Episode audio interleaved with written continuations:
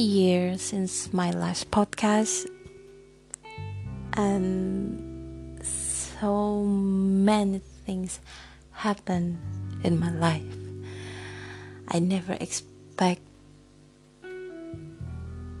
it will come to me, and and I don't believe I can handle it. Ini um, hal yang pengen banget gue bagi sama lo semua. Ini masih dalam dunia mimpi gue deh kayaknya. Biarpun mimpi ini benar-benar kerasa nyata banget.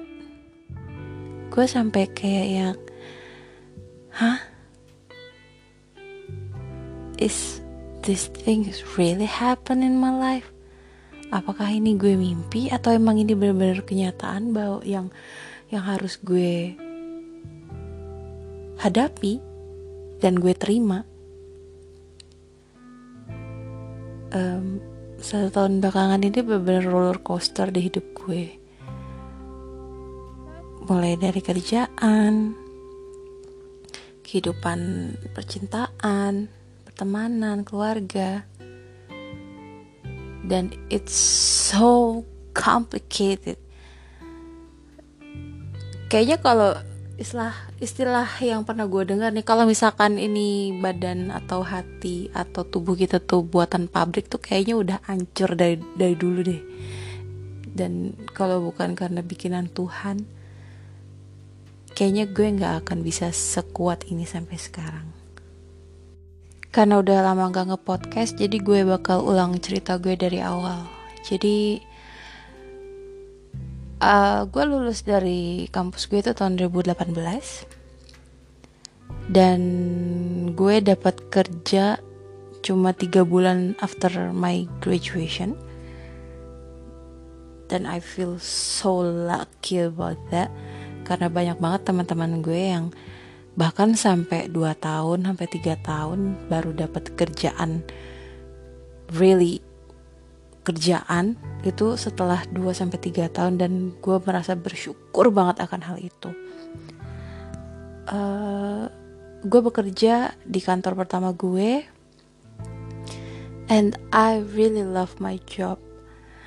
Pekerjaan pertama gue adalah pekerjaan yang benar-benar sesuai dengan kompetensi gue, jurusan kuliah gue, apa yang gue sukain.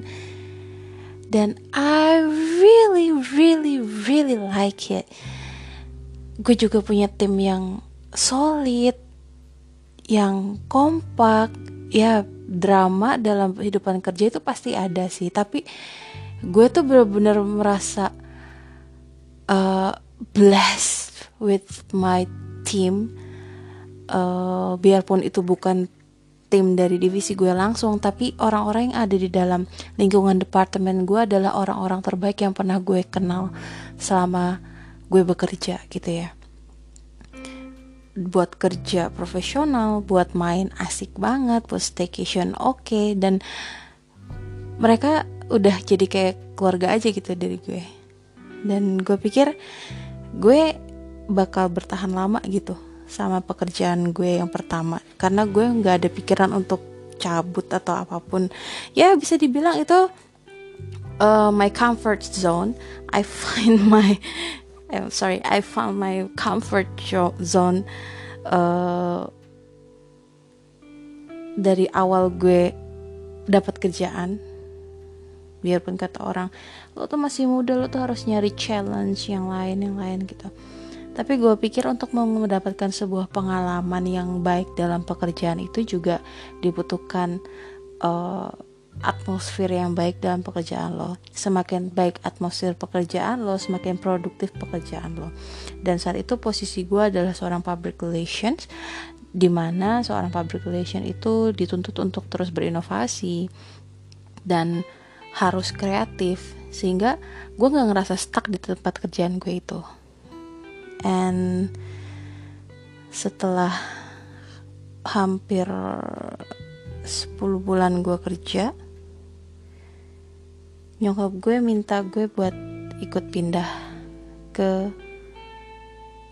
timur Pulau Jawa. Dan saat itu gue berada di bagian barat Pulau Jawa. Dan I was born in West Java and my my mother asked me to move to East Java. It's really really hard for me gue nangis. Gue nangis tapi bukan di depan nyokap gue. Karena gue uh, di at karena bagi gue nyokap gue di atas segalanya. Jadi pekerjaan gue yang gue cintai pun akan kalah ketika nyokap gue yang minta. Kalau gue harus melepaskan pekerjaan itu. Dan tujuan gue saat itu cuma satu membahagiakan dan membuat nyokap gue tersenyum. Karena uh, saat itu gue nggak punya goals apa pun selain membuat nyokap gue bahagia gitu aja. Jadi apa pun yang membuat dia bahagia gue akan lakukan itu. Dan ternyata salah satu yang membuat beliau bahagia adalah gue harus melepaskan pekerjaan yang sangat gue sayangi ini.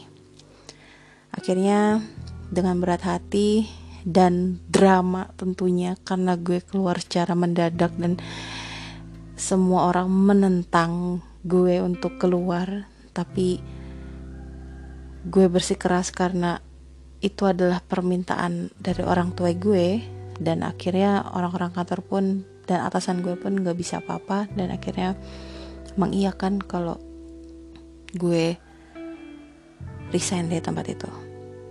Singkatnya Oktober tanggal 31 adalah last day gue di my first office. Sedih banget perpisahannya gue nangis gue dapat banyak hadiah juga dari rekan-rekan gue nggak cuma satu departemen tapi departemen lain. Bahkan dari anak magang gue juga gue dikasih hadiah dan sampai sekarang masih gue pakai itu hadiahnya. Thank you very much. Dan gue pindah ke Malang gue mendapat sebuah posisi baru dalam pekerjaan yang tadinya gue seorang public relation gue bergeser menjadi seorang secretary. I never think about become a secretary in my life. Karena gue pikir kompetensi gue kuliah gue di bidang public relation dan untuk menjadi seorang sekretari itu nggak ada sama sekali pikiran untuk jadi posisi itu gitu. Gue tidak gue tidak uh, memandang jelek apa pun dalam posisi apa pun tapi hal yang nggak pernah gue bayangkan gitu untuk bisa gue jalani gitu. Dan di saat seperti itu uh, gue melihat nyokap gue senang bisa kembali ke kota asalnya dan melihat beliau bahagia gue pun ikut bahagia dan tentang kerjaan gue tentunya adaptasi itu ada. Dan uh, untungnya gue juga mendapat sebuah tim dalam divisi yang kuat. Biarpun dengan berbeda ciri khasnya dari kantor gue sebelumnya. Tentu setiap setiap corporate setiap kantor itu kan punya culture-nya sendiri-sendiri punya uh, ciri khasnya masing-masing dan setiap tim itu kinerja dan cara mereka berinteraksi itu berbeda. Dan kantor gue yang baru ini sama-sama asik. Asik banget orang-orangnya. Uh, mereka bener-bener orang-orang profesional di bidang mereka dan mereka juga bisa ngebagi antara uh, kerja serius sama pas lagi landai terus kita ngobrol asik seru-seruan ketawa-ketawa itu juga gue dapet gitu. Dan gue mendalami sebagai seorang sekretari di posisi itu. Itu benar-benar hal yang baru buat gue. Uh, tapi untungnya skill-skill yang dibutuhkan adalah skill-skill yang gue punya dan gue pelajari juga gitu. Jadi gue tidak terlalu kesulitan untuk menjalininya tapi ada beberapa budaya perusahaan yang membuat gue tuh sedikit shock deng dibandingkan dengan perusahaan gue sebelumnya gitu. Jadi uh, perihal jam operasional kerja uh, hari operasional kerja seragam dan lain sebagainya. Dan itu membuat saya uh, berkembang kembali itu hal yang membuat gue juga punya uh, tambahan value dalam diri gue. Dan gue benar-benar uh, berterima kasih tentang kesempatan mengenai kesempatan yang pernah diberikan sama gue. Dan uh, itu tahun 2019 akhir uh, gue start pekerjaan itu di 3 November 2019 uh, gue memulai hidup baru dengan nyokap gue di sebuah salah satu kota di Jawa Timur. Dan biarpun gaji gue lebih kecil jujur aja gajinya mungkin hampir setengahnya dari gaji pekerjaan gue yang pertama. Biarpun di atas UMR ya uh, tapi hal itu membuat gue cukup kerepotan dalam mengubah lifestyle karena gue suka banget jajan sama nyokap gue. Setiap hari itu kita pasti jajan dan gak bisa enggak gitu. Dan itu kan uh, membuat sebuah perubahan juga gitu. Apa sekecil hal sekecil apa pun pasti berubah tentang kepindahan gue itu uh, tapi di situ ada hal yang sedikit mencurigakan nyokap gue sering sakit perut di awal pindahan kita. Bilangnya sih emahnya kambuh karena jarang makan karena gue jam kerjanya cukup panjang jadi beliau males makan karena cuma sendiri di rumah. For your information gue cuma tinggal berdua sama nyokap gue. Uh, gue punya kakak cowok satu kerja di Jakarta dan dia nggak ikut pindah. Jadi uh, gue sama nyokap gue hidup berdua. Yang nanya soal bokap gue nyokap sama bokap gue itu sudah bercerai dari gue SMP kelas 1 dan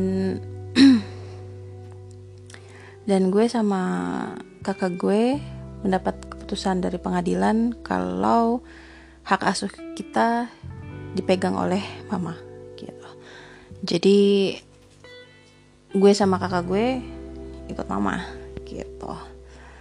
Dan ternyata bokap gue ini juga tinggal di kota yang sama. Sama kota baru gue dan nyokap gue.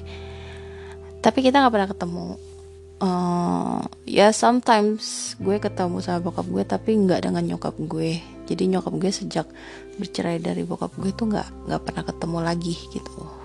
Leb, uh, lebih ke menolak untuk bertemu karena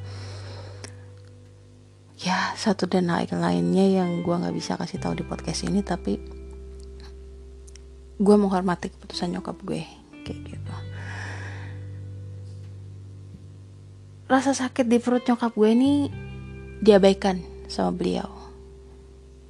Um, awalnya gue nggak nggak notice apa pun gitu karena gue sibuk kerja gue sibuk adaptasi di tempat kerja gue baru karena uh, gue kerja nih masuk jam 8 pagi. Gue tuh bisa pulang sampai jam 12 malam atau jam 1 malam. Karena ada event gitu. Karena ada acara di kantor gitu. Dan itu yang membuat hati gue sakit banget sampai sekarang. Karena gue ngerasa nggak nggak punya banyak waktu buat nyokap gue. Ya setiap risiko pekerjaan itu pasti ada konsekuensi dari sebuah keputusan yang kita ambil itu juga pasti ada.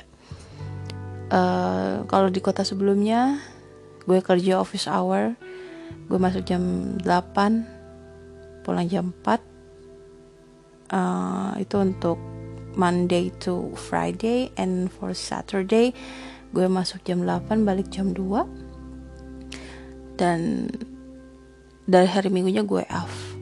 Dan di kantor baru gue jadi kayak ada orientasi gitu yang dua minggu pertama lo masuk kerja lo nggak bisa dapat hari libur sama sekali. Jadi lo kerja terus menerus sama dua minggu tanpa libur dan uh, jam kerja lu full really full of your day. Yang gue bilang tadi bisa masuk jam 8 pulang jam 12 malam jam 8 pagi masuk pulang jam 9 malam pulang jam 10 malam. Dan uh, dan itu juga membuat sesuatu keterkejutan. Lebih ke culture shock sih di hidup gue dalam hal pekerjaan dan pribadi ya. Karena itu sudah sudah mempengaruhi kehidupan pribadi gue banget gitu uh,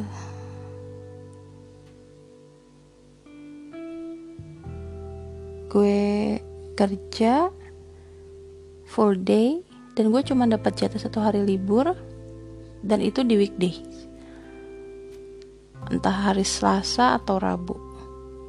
Tergantung dari kesibukan dan acara apa yang harus gue handle. Secara gue sekretari gue ngatur jadwal gue ngatur report gue ngatur event gue ngatur uh, persiapan acara juga gue juga ngatur perjamuan gue ngatur perjalanan agreement appointment.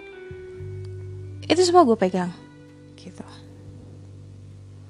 biarpun jujur gue suka sama pekerjaannya tapi tidak dengan uh, jam operasional kerja gue gitu. Biarpun gue ngerti ngerti banget di luar sana. Banyak banget orang yang bernasib sama sama gue. Bahkan mungkin lebih. Tapi karena itulah gue nggak punya waktu banyak sama nyokap gue. Dan gue jadi tidak terlalu memperhatikan apa yang berbeda dari nyokap gue gitu. Pas hari libur gue baru notice kok mama suka meringis kayak kesakitan ya? Gue tanya ma kenapa? Kok meringis? Ada yang sakit? Dan mama jawab, biasa lambung mama kambuh. Ke dokter yuk mah. Enggak, enggak usah. Beli polikrol aja. Ini juga udah sembuh. Obat mama dari dulu polikrol kok kalau soal lambung lagi kayak gini. Emang udah berapa lama mah? Ya dari awal pindah sih, kata mamaku gitu. Mah, Kayaknya harus kontrol deh mah ke dokter. Aduh, jangan deh. Gaji kamu kan lebih kecil dari di waktu di kantor sebelumnya. Dan kebutuhan kita juga baru pindah lagi banyak-banyaknya nih. Kita beli barang-barang buat ngisi rumah juga. Nanti aja deh, gampang. Loh mah, kan kita punya asuransi. Kan ada BPJS juga aduh enggak deh kata mamaku gitu bodohnya gue ngikutin. Lalu setelah itu gue mulai mulai mem memberikan perhatian lebih di kesehatan nyokap gue. Gue sering tanya mah gimana perutnya? Mah ayo ke dokter yuk. Tapi nyokap gue tetap nggak mau kekeh nggak mau. Sampai pada suatu hari mama gue kesakitan seperti perutnya dililit kencang dan akhirnya gue paksa mama gue untuk ke rumah sakit dan akhirnya mama gue mau. Di situ dokter menyarankan untuk uh, cek lab lebih lanjut untuk melihat sesuatu karena dari sakitnya sepertinya tidak wajar dan akhirnya kita ikuti prosedurnya. Dan ternyata ada sesuatu di perut nyokap gue. Tapi nyokap gue gak mau buat diberi tindakan operasi. Beliau ingin mengupayakan kesembuhan tapi tidak dengan jalan operasi. Berbagai cara berbagai obat kita tempuh berbagai metode penyembuhan kita tempuh. Dan tiba-tiba covid datang. Maret 2020 gue status anak baru gak punya power dibandingkan dengan yang udah belasan tahun di kantor. Gue kena dampak covid yang sebagai pekerja yang dirumahkan. Tapi gue dapet hikmah dari situ. Gue akhirnya tahu nyokap gue sangat membutuhkan gue akhirnya gue memilih untuk resign dari kantor gue. Dan mengabdikan diri gue untuk merawat nyokap gue. Gue gak ngizinin nyokap gue buat kerja kerjaan kerjaan rumah satupun. Semua gue yang pegang. Gue juga masak tiap hari. Gue bangun pagi-pagi gue ke pasar belanja. Sampai rumah gue masak buat sarapan nyokap gue. Bersih-bersih rumah habis itu terus habis itu nyiapin makan siang terus istirahat sebentar terus nyiapin buat makan malam. Gitu terus. Dan di malam hari biasanya nyokap gue nggak bisa tidur. Gue bantu beliau untuk gue pijetin. Gue bikinin minuman hangat yang baik untuk kesehatannya gitu. Singkat cerita nyokap gue makin parah. Dan gue juga dikabarin kalau bokap gue tiba-tiba koma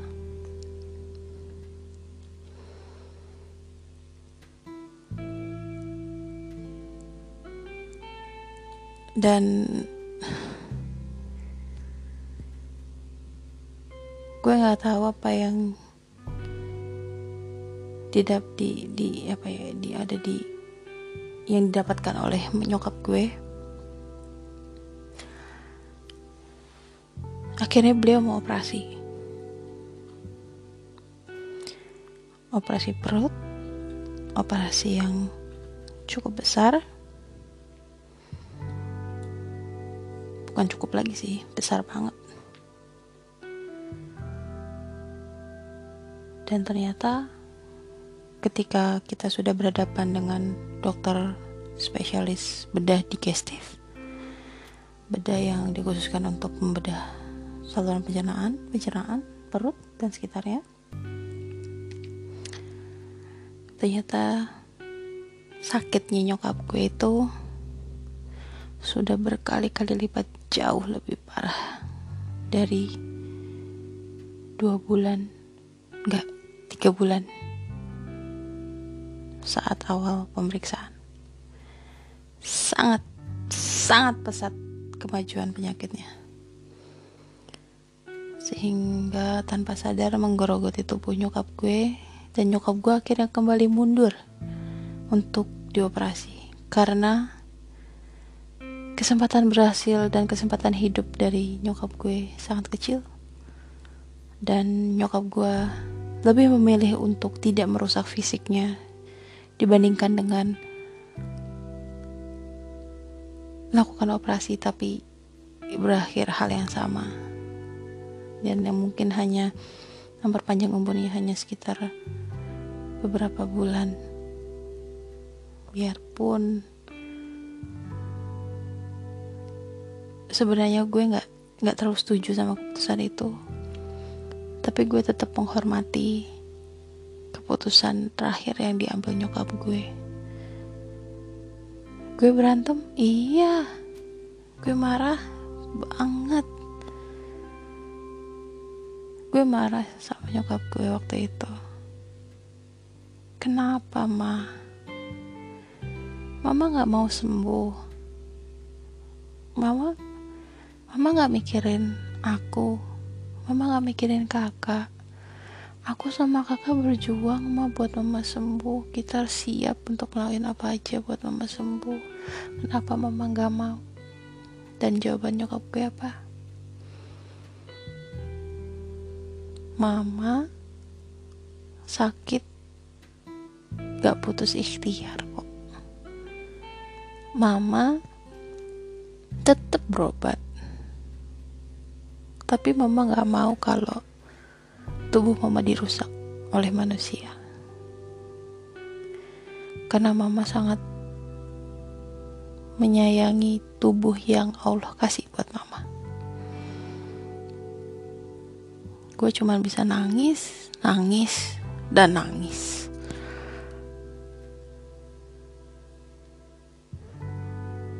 Gue yang sehari-hari sama nyokap gue mendapat ucapan seperti itu gue gak bisa ngomong apa-apa. Kakak gue cuma bisa marah-marah karena dia nggak tahu harus gimana. Dia jauh di Jakarta dia mau cuti juga nggak bisa seenaknya karena peraturan perusahaan tentunya.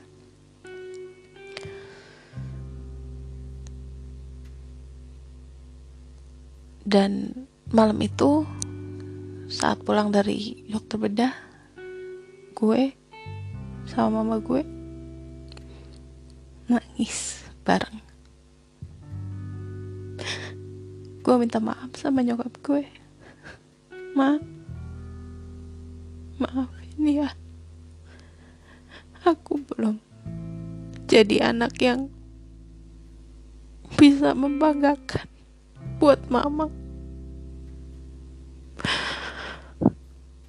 semoga ada keajaiban Tuhan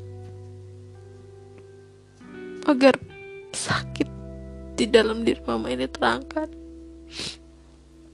dan mama bisa sehat seperti sedia kala. Amin. Dan mama gue jawab, kamu sudah sangat membahagiakan mama sampai detik ini. Mama mengucapkan terima kasih karena kamu mau mau karena kamu mau merawat mama seperti ini melepaskan pekerjaan kamu. Dan kamu mengabdi untuk mama dengan ikhlas. Gak ada penyesalan dalam hidup mama. Dan gak ada pikiran mama kamu tidak membanggakan mama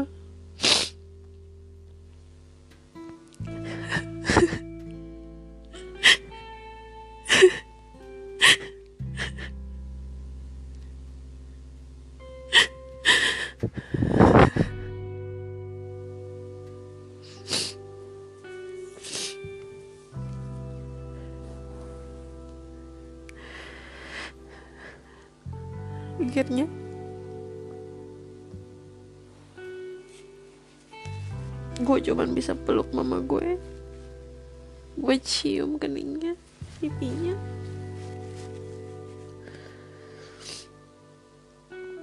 Dan gue dalam hati berjanji kalau gue gak akan ninggalin nyokap gue sampai terakhir.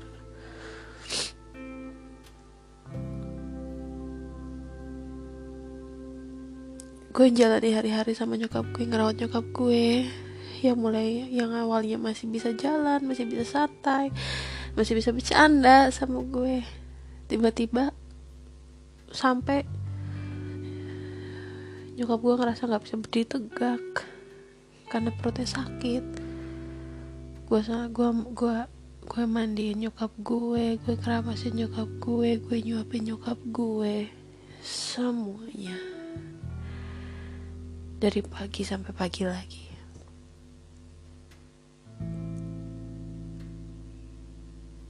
gue bersyukur adanya covid itu. Orang-orang merasa covid menghancurkan semuanya. Ya memang awalnya bagi gue seperti itu. Tapi karena covid juga gue bisa punya waktu untuk nyokap gue. Dan gak ada penyesalan di diri gue karena gue sudah berusaha untuk merawat nyokap gue. Dan mengupayakan yang terbaik. Di saat-saat terakhir nyokap gue hidup.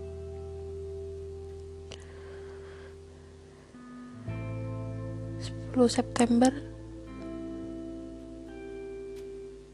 2020 gue ditelepon sama bude gue. Bude dari bapak gue bapak gue meninggal. 10 September 2020 bapak gue meninggal. Sakit stroke dan katanya sebelum beliau meninggal manggil-manggil nama gue nyari gue dan nangis.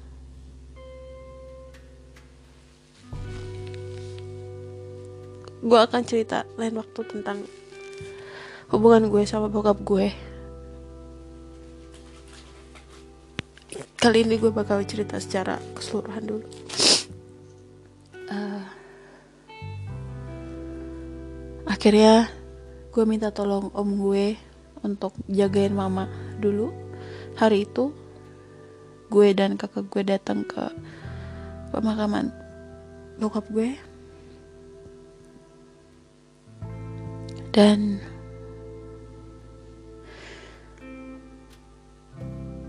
hari itu gue kehilangan satu orang tua gue biarpun hubungan gue sama bokap gue nggak baik tapi sebenarnya gue nggak ada rasa dendam nggak ada rasa benci sama bokap gue. Gue merindukan masa-masa gue sama bokap gue tapi situasi yang gak memungkinkan gue untuk bisa ketemu sama bokap gue. Akhirnya gue ketemu dalam kondisi beliau sudah dimakamkan dan itu untuk pertama kalinya gue merasakan kehilangan dalam hidup gue. Wow. Sakit ternyata ya kehilangan keluarga. Setelah dari pemakaman bokap gue gue kembali ke rumah dan gue ceritakan semuanya sama nyokap gue. Dan tiba-tiba nyokap gue bilang ya sudah tugasnya bapakmu sudah selesai? Gak usah diomongin lagi sama kita ya. Sudah cukup. Dan gue menurut itu. Terus kakak gue balik ke Jakarta dan kembali lagi kehidupan gue sama nyokap gue yang cuma berdua tapi nyokap gue makin parah.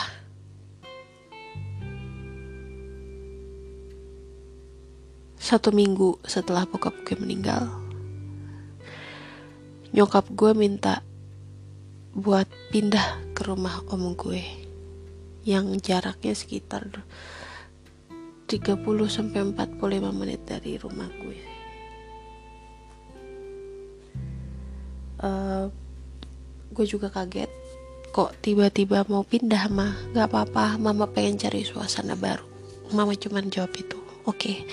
gue hari itu siapin uh, pakaian siapin barang-barang dan obat-obatnya nyokap gue gue telepon om gue dan om gue nyiapin kamarnya untuk gue sama nyokap gue pindah sementara. Dan hari itu juga gue sama nyokap gue berangkat ke rumah om gue ya seperti biasa gue menjalani hari. Tapi bedanya ada om gue. Biarpun om gue tidak membantu banyak tapi seenggaknya uh, ada orang yang bisa gue ajak bicara dan nyokap gue ajak bicara perihal pengobatan dan upaya kita untuk kesembuhan nyokap gue. Berhari-hari tiba-tiba keadaan nyokap gue menurun drastis. Drastis sekali. Gue sampai kaget. Nyokap gue tiba-tiba kurusnya sangat-sangat kurus. Nggak bisa makan. Muntah. Dan semakin sulit untuk berjalan.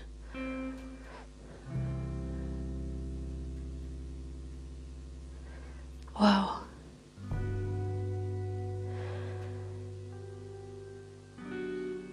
di singkat cerita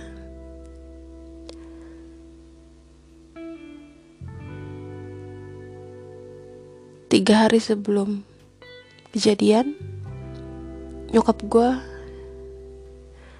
minta dibelikan kurma dan apel Perancis.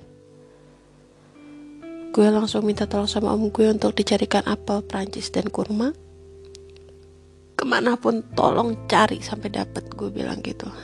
Dan mereka menyang dan om gue menyanggupi dia jalan sama temennya untuk nyari dan dapat cukurnya nyokap gue makan kurma itu sehari satu. Apel cuman habis sekitar seperempat karena sulit untuk mengunyah karena apel kan keras kalau kurma kan lembut masih bisa diemut gitu lalu Satu hari sebelumnya, nyokap gue merasa tidak bisa menggerakkan kaki. Gak bisa jalan. Dan akhirnya gue belikan kursi roda. Agar nyokap gue bisa lihat luar, bisa berjemur juga, gak di kasur terus, gak di dalam rumah terus. Jadi gue belikan kursi roda hari itu dan kemudian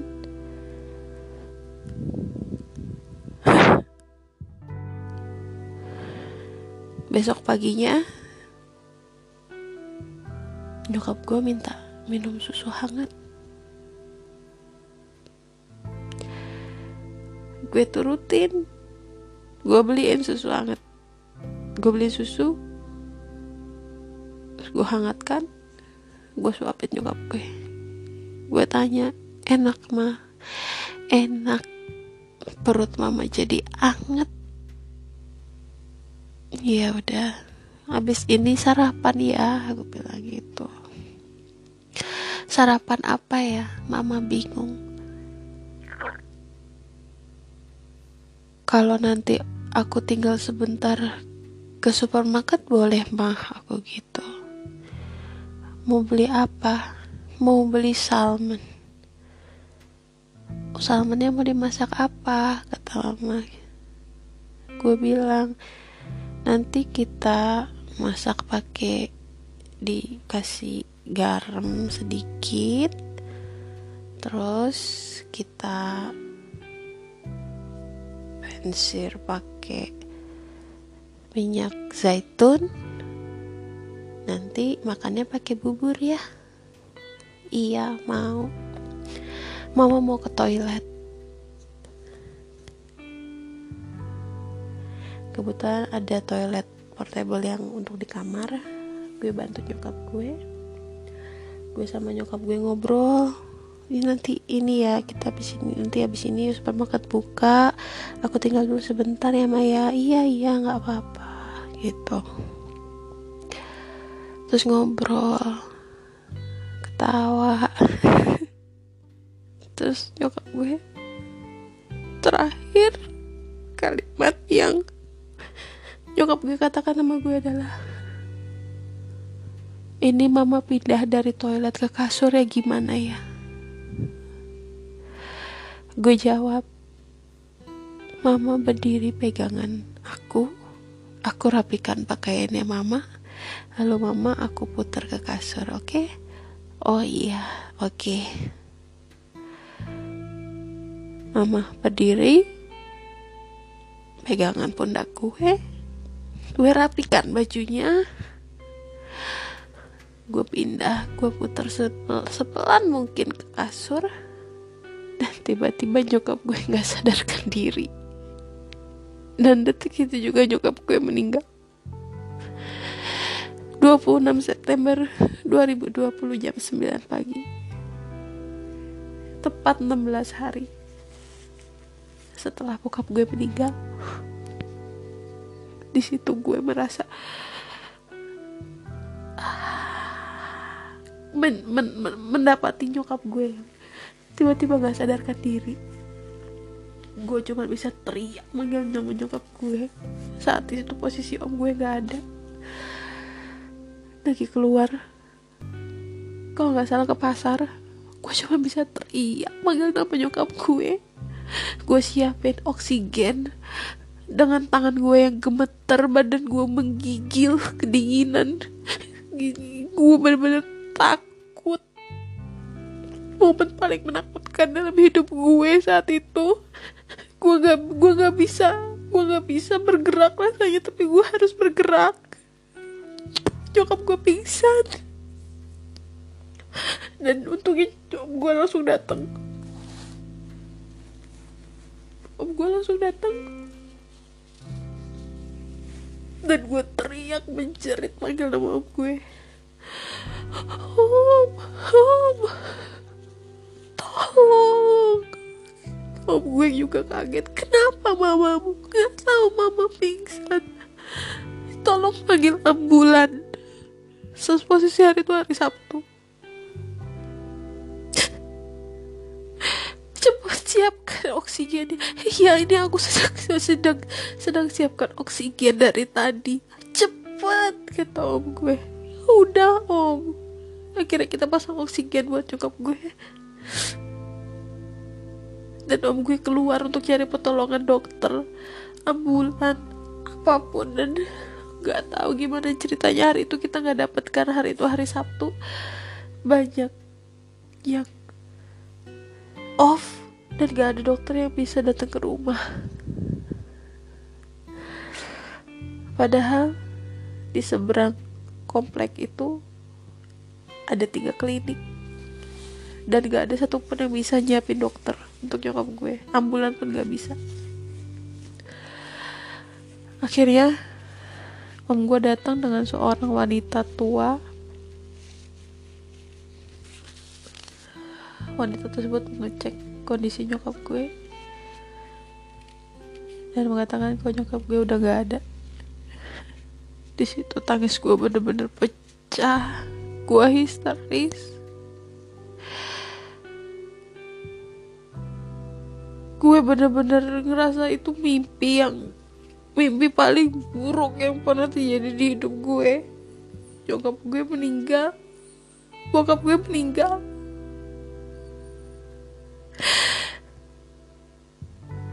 Dan saat itu gue gak tahu gue harus ngapain. Selain nangis teriak dan nemenin nyokap gue sampai ke liang lah.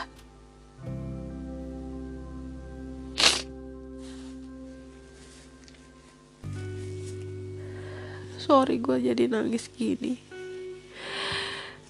Kayaknya gue gak pernah deh bercerita seperti ini ke siapa pun. Gue gak pernah bisa mengekspresikan air mata gue sama orang lain. Karena gue selalu gue selalu membuat diri gue tampak baik-baik aja di depan orang lain. Dan gue gak bisa cerita selepas ini sama mereka. Karena nggak semua orang bisa ngertiin kita. Akhirnya gue pendam sendiri. Dan mau tahu hal yang paling lucu? Tujuh hari setelahnya tante gue pun meninggal di kota yang sama tiga duka dalam satu bulan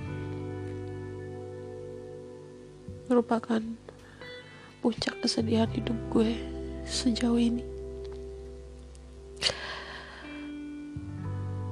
Hal yang benar-benar gue gak nyangka akan terjadi di hidup gue.